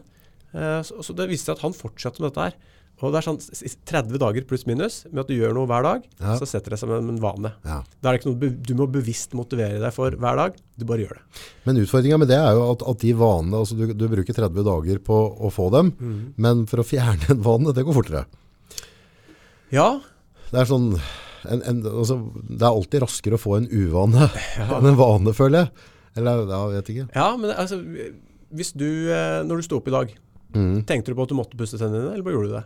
Jeg bare gjorde det. Når du legger deg i kveld, trenger du liksom nå Å, jeg må huske å pusse tennene mine. Nei, nei, nei. ikke sant? Så folk sier til meg at nei, jeg klarer ikke å få på noe vane. Jo, du kan det. Bare spør dem om de bruker sjampohåret sitt, dusjer og pusser tennene. Jo, Ja. gjør jo det. Ja, og det tenker du ikke på. Du bare gjør det. Ja. Eh, og samme er det med dette her. Få det inn. Men, men gjør det for deg. Ikke, ikke bli i bedre form for å glede noen andre. Ikke skift jobb fordi kompisen din syns det er kult. Så, så det handler om det du må gjøre det for deg. Motivasjonen må ligge hos deg. Så det blir en til-motivasjon, og ikke en fra-motivasjon. Kjempeviktig. Motivasjon er veldig, veldig spennende. Ja. Det er noe vi alle trenger å jobbe med egentlig hele livet. For det, det, det er jo ikke noe som ja, du, har jo noen som er veldig, veldig som er nesten født eh, til å bare få ting gjennomført. ja. Som er bare sånne maskiner liksom, som ikke Samtidig, hvis du begynner å pirke litt i huet på dem, så hører du at de eh, har gått en vei, de også. Faktisk. Ja, altså du finner igjen den røde tråden på en måte. Ja, men noen, ganger, noen, noen trenger liksom ikke høre på de motiverende greiene. Noen har det. Jeg har jo noen kompiser Ja. som er bare, Som bare er. tvert igjen maskiner. Ja. Det, det er bare sånn der, ja, men det er ikke noe tema. Jeg gjør det jeg syns er dritt først. Liksom. Jeg begynner dagen med det, så er jeg ferdig med det, for da vet jeg at dagen blir lettere utover. Mm. Og så får de ikke ro i kroppen som ikke har gjort det. Nei. That's it. Så det er liksom, eat the frog. ja, Ja, Spis frosken på morgenen, så Ja. blir det fint uh, utover. ja. Det er helt riktig. Så det, men det er sprøtt at noen på en måte kan ha det mye mer latent enn andre. Det er sant. Men uh, de fleste av oss eh, Hvis du ser på samfunnet da, og arbeidsmarkedet og de krava som er der, så, og konkurransen, mm. så er det motivasjon trengs. Kommunikasjonsferdigheter trengs. Mm. Og, det, og Kommunikasjon og, og motivasjon er ikke noe du lærer om på skolen. Eh, og, I hvert fall ikke barneskolen og ungdomsskolen, ikke videregående. Kanskje Det er enkel, enkelte emner på, på høyskolen, kanskje. Men eh, jeg har veldig trua på at folk bare har lært seg kommunisere litt mer. Mm. Eh, litt bedre. Mm. Eh, og vise litt mer respekt og, og forståelse, og det å unne og beundre hverandre litt. Mm. Eh, så blir hverdagen veldig mye bedre. Veldig. Det er litt sånn sprøtt at vi ikke har, at ikke det er i skolepensum, det med Mm. på en måte selvmotivasjon, selvbilde. Altså, Det er mye viktigere å analysere det diktet, August, på sidemål. ja, ja, det er, ja, er, det er liksom fundamentet i livet, for jeg tror en, en, god, en god motivasjon eh, trumfer en god utdannelse på hvilken dag som helst. Absolutt. Det er ganske sprøtt. Ja. Så at de på en måte ikke, ikke har gått, fått med seg den, den Ja, nei, det er viktig, altså. Men? Og verden er jo på et annet sted nå enn det var for ti, ti år siden. Ja. Altså, det er, som du sa i stad, det er så mye tilgjengelig der. Ja. Og jeg tenker at har du lyst til å lære deg noe, har du lyst til å fordype deg i noe, så gå på nettet, gå Mm. på YouTube. Eh, og, og du kan lære alt. Ja, det Eh, og, og finn noen som på en måte appellerer til deg, snakker litt ditt språk, og som er i tråd med hva du egentlig ønsker deg i ditt liv. Så kan du på en måte bygge deg opp sjøl, og, og så er du godt på vei. Kunsten er ikke å gi opp for fort. da. Og så bare, du må bare lete litt på YouTube. Du må finne, du må finne dem som appellerer til deg, altså dem Ja. som snakker ditt språk. da. Helt klart. For det vet jeg sånn eh, med noen av dem du har nevnt på tidligere, så det er flere av dem jeg brukte liksom sånn der, Jeg har sett, sett dem har duppa opp i feeden og sett noen sekund her. så, så jeg har kanskje brukt et halvt år før jeg på Antony Robbins tror jeg var i hvert fall i feeden min i seks, sju, åtte måneder før jeg liksom drog ti minutter. Og så plutselig så vokste den litt på meg, og så, Ja. og så ble den bare helt avgjørende. Ja. Så, for han, han hadde bare meg at denne, at denne amerikanske kråka Ja. der, som står og bare og skriker, jeg bare, fuck det der, dette gidder jeg ikke å høre på. Han er helt kokos. Og så viser det at det er liksom, kanskje den største innflytelsen jeg har hatt i voksen alder, ja. i positiv retning. Og det sa- samme tenkte jeg. Jeg tenkte at dette er, dette er en slags oppblåst tulling, liksom. Men eh, han er genuin, Altså. Det er eh, Jeg tror det. Jeg er hel ved. Ja. Og- Har det kommet noe dritt rundt han egentlig? Eller har han Nei, det er klart fint lite. Det er fint lite, ja. Og alle som eh, strekker seg ut da, og stikker nakken fram og sier noe og mener Ja, ja, og står for noe, de blir jo høgd. Altså, som jeg sa i stad, altså, mango kan være bra, det. Det er ikke alle som liker det. Nei. Nei, men jeg har liksom ikke sett noe, noe greier. Nei, det er fint han, lite. Grant Cardone har fått litt juling. Ja. Der, der vet jeg det er egne hatgrupper og ditt og datt som Ja. mener at den svindler. Men, men han Robbins har jeg aldri sett noe Nei, nei, jeg har ikke registrert noe særlig heller. Altså. Så, Men det jeg kan anbefale deg, det er å sjekke ut en Richard Bandler. Okay. Eh, som er på en måte han som, eh, som, som var med i startfasen til Robins. da. Okay. Der Robins fant en helt annen type. Ja. Helt annen type. Fin fyr? Ja, veldig artig. Ja. Um, eh, mye mer eh, down to earth, men eh, språkmessig råsterk. Okay. Uh, han er vel en av nåtidens, uh, nåtidens råeste Hva heter det for noe? Som driver med hypnose. Ja. Han har jo trent opp Paul McKenna og Oi. de folka der. Ja. Så han er helt, helt fantastisk, altså. Så er, uh, Nå har jeg litt å YouTube. ja, det er artig type. Det. Altså. Ja, veldig, veldig. Han gir deg litt energi òg? Ja, han gir deg i hvert fall en del eh, innblikk og, og kunnskap. ja. Det er jo egentlig liksom, det blir mye av det samme som energi. da. Får du litt kunnskap, får du forståelse. For det er jo liksom noe å henge, henge ting på knagger her i livet. Det er litt viktig. Ja. Så, Så, men jeg faller litt liksom tilbake til det der med å, på en måte, eh, viktigheten av å jobbe med, med sin egen indre dialog. Da. ja. For da, da, da, jobber du med din e- indre tilstand, ikke sant. Eh, og folk som eh, gruer seg Altså du ser eh, jobbintervju, da. Mm. Og jeg gruer meg fælt til det. Jeg er pissnervøs. Og da er det sånn eh, Bruk et annet ord. Si spent. Ja, men jeg er veldig, jeg er veldig nervøs. Ja. Ja, men du sier at du er veldig spent. For Ja. bare å skifte på de orda, så skjer det en kjemisk reaksjon i kroppen, og du smiler når du sier jeg er veldig spent, Ja, ja, ja, kontra å si at jeg er veldig nervøs'. ja, for spent er jo positivt. Ikke sant? Så er det bare å ta med seg den nervøs nervøsiteten. Og det tror jeg er veldig viktig for folk å vite i dag, da alt skal liksom være så perfekt, og det er så mye samfunnssatte høye standarder, da. alt skal være helt strøkent. Det skal ikke være det, vet du. Eh, så, så bare finn, finn litt din indre ro, da. Og, da. og da er det liksom lurt å jobbe litt med egen indre tilstand. Nå tror du det sprekker, for ved et eller annet tidspunkt så vi kan jo ikke bare fortsette å bli finere og finere og finere, og alt skal bli mer og mer perfekt. Nei, jeg, som jeg var inne på litt i stad, jeg tror ting har blitt litt bedre nå. For jeg, syns det er veldig gøy at folk legger ut bilde av maten sin på Instagram. Ja. Se så fin salat jeg har. Så jeg har begynt å ta bilde av etter jeg har spist opp. Ja. Se på tallerkenen Ja. min, åssen den ser ut. Så jeg tror det har blitt litt sånn mer At vi er kanskje litt lei det perfekte. Mm. Og det tror jeg er kjempefint. At vi liksom åpner litt opp igjen for det som er ekte. For det går jo punkt vi blir lei det perfekte òg. Mm. Så det Ja. Det er jo det vi har, sånn, med det vi jobber med ellers, på en måte utenom på den, så driver vi med reklameproduksjoner, og, Mm. og det, det, det vi har lykkes mest med er at vi har vært ganske brukbare på å skildre det ekte. Mm. At vi ikke, jeg går ikke for det perfekte. Nei, ikke sant? Jeg går for det ærlige, jeg går for glimt i øyet, litt humor, Ja. eh, og at folk liksom forteller fra hjertet. ja. Så, så det er veldig mange ganger folk på en måte, hvis de skal uttale seg etter noen bedrift, eller annet, så er manus og sånne ting, da går jeg bare ta, ta bort lappen. Push. Mm. Ja. Skal ikke ha noe manus her. Vi, vi står ikke og leser til kamera. Nei. Det har vi sett før. Det ser vi på TV-en. ja. Vi er ikke skuespillere. Nå, nå stiller jeg deg spørsmål, og så svarer du bare ærlig ut på dem. Og hvis ikke det er godt nok, så lar vi være å bruke det. Er det godt nok, så bruker vi det. Ja. Men that's it. vi skal ikke ha noe oppblåst her. Og da blir, jeg, tror, jeg tror mange av seere da opplever det Det som, som mer ekte. da. Og så er det med humor, da. Du sa ordet humor der. Ja. Jeg får ikke sagt hvor viktig det er. Altså, Hadde ikke jeg hatt humor i livet mitt, så hadde jeg ikke giddet å vært der. Da hadde jeg sagt takk, talas. talas. Nei, det, det er så viktig, både som profesjonelt og privat. Ja. I, I jobb òg er det liksom Jobber jeg med, med folk som sliter økonomisk med helse, hva som helst. Altså få inn litt humor. Mm. For det gjør noe med en, altså.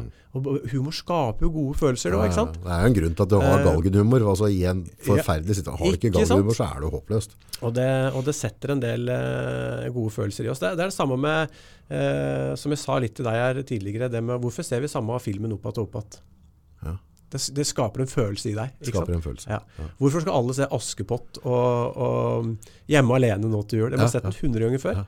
De blir glade. Ja, skaper en følelse. Ja, så er det humor, komedie. Ja. Det er viktig, altså. Og hvis du ser på de dyktigste ja, foredragsholdere, da, sånn Mm. internasjonalt sett, det er ingen av de som ikke på en måte har humor med seg. Nei. De har humor, og, og de er flinke på det. De er gode på å bruke det, og de bruker det helt bevisst. Men humor er ganske vanskelig. På en måte. Ja, Altså, hvis, sånn hvis, du, hvis du strever på, for hardt, så- hvis, så blir det kleint. Ja, det gjør det. Så må- der du kom fra Nationaltheatret. Ja, ja. Altså, den der, ja, for Noen ganger så har vi, liksom, øh, har vi produsert filmer som skal være morsomme, som ikke bare blir morsomme pga. Situasjonen. Og, og da bare kjenner jeg oh, dette var kleint, gitt. Ja. Ai, ai, ai, dette her funka ikke. Ja. For det, det er jo liksom, altså, Jeg skjønner jo på en måte dem som er skuespillere og sånne ting, dem, dem er jo øvd og trent på det her, så de Ja. klarer på en måte å gjøre det på bestilling. Ja. Men uh, hvis jeg skulle liksom prøvd å være humorist i en sånn reklamefilm, Ja. jeg tror, det er liksom, jeg tror det er avhengig av å dytte meg ut på der jeg gjør et eller annet som kan oppfattes humoristisk. Da. ja, men det er det, så, det, Så er det noen som er gode da på det. to, to eksempler, da. Samme når jeg har forelesning på jobben. Ja. Så eh, Uansett hva jeg prater om, om det er karriereverktøy, øh, verdier, øh, bemanningsbyrå Jeg kaster alltid noe humor. Ja. For folk må le litt. Ja, For jeg klarer ikke å sitte med en forsamling Heng med hjelp, det funker ikke. Og artig at du nevner det sjøl, du syns det er vanskelig. For da du var inne og holdt et webinar hos oss, Ja. folk lo flere ganger. Oh, ja. Hvorfor gjorde du det? Du smiler, og så sier du noe morsomt. Ja. og du tenker nødvendigvis ikke på det. Nei, jeg var Men ikke, på det. Ja, jeg Ja. hadde ikke prøvd på det. det, Da, kan vi legge den død med en gang, August. Det kan du faktisk. Det får jo folk til å flire, det er ikke verst bare. Nei, Ja. så det Så, da da er det bare å satse på at folk flirer meg og ikke av, er det ikke det de sier? da? Nei, ja. Jo, og så en, en annen sånn da vi, For å touche litt gjennom kommunikasjon igjen, da. Er det noe jeg eh, anser som et råsterkt verktøy da det gjelder å kommunisere, det er storytelling. Mm. Ja, Få folk til å fortelle en historie, eller fortelle en historie sjøl. Ja. For det, det, det skjønner folk. Kontra at du bruker faglitteratur eller drar det ut fra ei vitenskapsbok, er forferdelig kjedelig. Men hvis du blander budskapet ditt inn i en historie, gjerne gjennom noe du har opplevd sjøl, Mm. så treffer det folk. De kan relatere til det, og de får en hel haug med knagger de kan henge ting på. Ja, for de knaggene der er helt avgjørende. For jeg tror Hvis ikke du lærer med en historie så for det, ja, Du kan jo fortelle en historie om et eller annet du har opplevd. Og mest sannsynlig, i sånn 99% av tilfellene, så vil jeg kunne resonnere til den historien noe tilsvarende jeg har opplevd. Yes. Og så lærer du meg et eller annet på slutten der. Ja. Gi meg et verktøy på et eller annet. Mm. Så sitter det. Mm. Da, da, da er du med meg. Og det er litt rart, for det, det, på de forskjellige motiverende folka hører på, eller det du leser, bøker og sånne ting, så ser jeg, kan, altså, jeg bruker lydbøker veldig mye, men så noen ganger skal det være en bok som kan være 12 timer, men så er det liksom 2-3 minutter av den boka.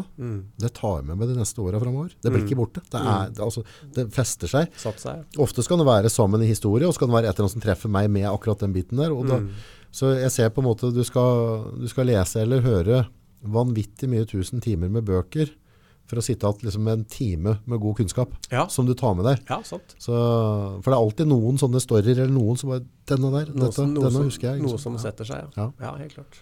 Og så, så er det historiefortelling setter jo en veldig kraftig stemning da. Mm. Det merker jeg jo veldig på bøker, sånn når du hører bøker. Eh, hvis du skal ut og ta bilder, eh, nå driver ikke jeg så mye med sånn kunstneriske greier, men det hender at jeg, må, at jeg har noe sånn at jeg skal ja, ta noen bilder med noe uttrykk eller et eller annet. Mm. Og regler det med musikk.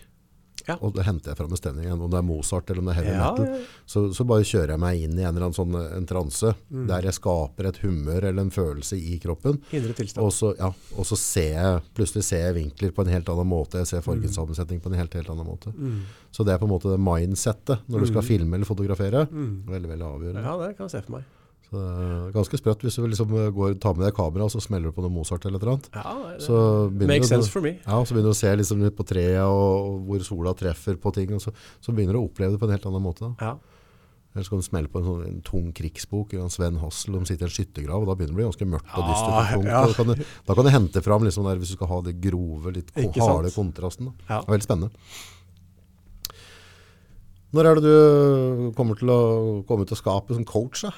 Nei, du, det, det kunne jeg egentlig ha gjort i, i morgen, sånn sett altså. Eh, men eh, tilbake til det jeg sa i stad. Jeg, jeg trives veldig godt der jeg er. Så bra. Eh, og så føler jeg at jeg er i stadig utvikling. Mm. Eh, og jeg tror alle har vært i utvikling i år, 2020. mm. Ja, det har blitt et år. Med korona. Mm. Altså, liten historie, er ganske komisk. I desember i fjor så var vi på avdelinga på Elverum mm. for å ha sånn fagdag. da. Ja. Og Temaet var at vi skulle gå gjennom sånne tiltakskort. Ja. Eh, altså tiltak ved akutt fare, brann, eh, vold, eh, ting. Så var det ett kort som jeg husker sto 'pandemi' på. Og jeg, og jeg lo sånn. Jeg så på det, pandemi, jeg har knapt Det hørt ordet før. Først kastet Eh, så vi kjørte rollespill på, på brann og vold og politi og sånne ting i stedet. Ja. Og hva er det som kom 2020 i morgen? Det er det pandemikortet du skulle ha tenkt på, gutten min. Ja. Så, men ikke sant. Uh, stadig, ut, stadig utvikling, ja. Eh, hva er det vi måtte gjøre da? Jo, altså alle måtte jo lære seg Zoom og Teams og Guds oldemor som finnes på nettet. Eh, og det har dratt med seg en del sånne positive ting. da. Mm. Hvis ikke det hadde skjedd, i August, så er det ikke sikkert jeg hadde sittet her i dag og snakka med deg. Nei, Og det er ikke. ikke sikkert at du har vært eh, på, på podkasten vår Nei. og fått de kontaktene du har fått der, og nådd ut til det publikummet du nådde ut til der. Ikke sant? Så, så det, vi tar, jeg, jeg velger å ta med en del positivt jeg, Ja. eh, herfra, som jeg skal bruke videre sjøl eh, framover. Så bra. Så det, det er en viss Så er det en ja. litt annen måte å, å kommunisere på gjennom Zoom og sånne ting. Og det er litt sånn interessant, for det, igjen så det er storytelling, men, men sånn utgangspunktet hvis du, du skal selge inn et produkt. Mm.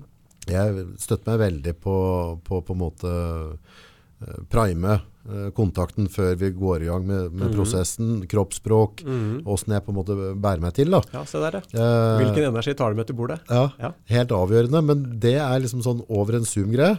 Da føler jeg at jeg blir litt sånn sterilisert. Ja. Den synes jeg er vanskeligere, for da, da Jeg er ikke helt på hjemmebane der, da. Nei. Eh, min erfaring, som nå har rimelig mange timer bak Zoom, Ja. eh, det er jo Altså, er humor viktig noen gang, Så er det der. der. Ja.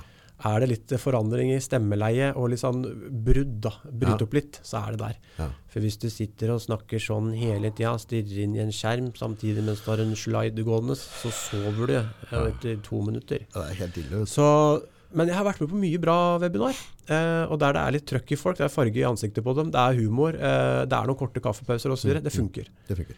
Eh, og nok en gang, bruke deg sjøl som ek- eh, et eksempel. Mm. Noe av det kuleste vi gjorde i sommer, det var med deg. Og det funka pga. ditt trøkk, eh, din humor, din tilstedeværelse. Ja. Men du må by enda mer på deg sjøl, enkelt og greit. Ja. Ja. Og klemme til. Kline der. Det, det folk kan tenke dere på når du, når du prater på det med tilstedeværelse eller energi og sånne ting, så hvis en skal gjøre en sånn der, hvis en synes det er litt skummelt å prøve det, om det er en salgsfase eller om det er med, med kunder eller hva det er, prøv å være litt selgere til barna deres. Ja. Det er ganske gøy. ja. Ja, eh, jeg har noen sånne prosjekter innimellom med døtrene mine. Jeg har vært veldig fantastiske unger, veldig greie å ha med å gjøre. Men der eh, kan jeg på en måte med toneleie, hvordan jeg pakker inn ting. Så på det mest ekstreme her så var det da eh, minstemor, som når, når det var stengt ned skole og sånne ting, så ble det litt mer energi, så det ble ganske mye krangling hjemme med hun og mamma. Eh, så, så innførte jeg at vi gikk og jogga 4,3 km. Da, da var jeg seks år. Mm. Eh, pluss at vi tok chin-ups i huskestativet, push-ups, stekte egg og bacon, og vi begynte klokka fem på morgenen. Du lagde militærleir, du. Yes. Men på en positiv måte. Ja. Eh, og den jenta spør om det ennå. ja, ikke sant? Når er det vi kan begynne med dette, pappa? Mm. Hun, hun er villig til å stå opp klokka fem Ja, for ut og løpe om morgenen. Ja. Ja, men vi pakka det inn liksom positivt, jeg prata Ja, liksom og styr. Så dette har blitt sånn greie, og nå bare har jeg et sånt nytt prosjekt på dem. Så jeg gjør litt sånn stas ut av frokosten.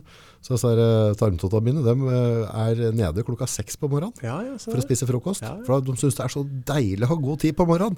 Det, er så, det er så godt å ha god tid på morgenen, pappa, Nå får Ja. en fin frokost.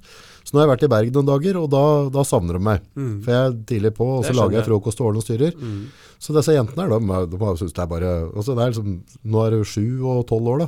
Ja. De, er, de er nede i trappa klokka seks. Ja. Du trenger ikke å dra dem ut av senga. Altså, Nei, nå må du stå opp, jenter. er helt fantastisk. Men det er bare med å selge det inn med litt sånn på, i, i- Lag litt sånn krydder rundt det. Gjør det litt positivt nede på kjøkkenet. ikke sant?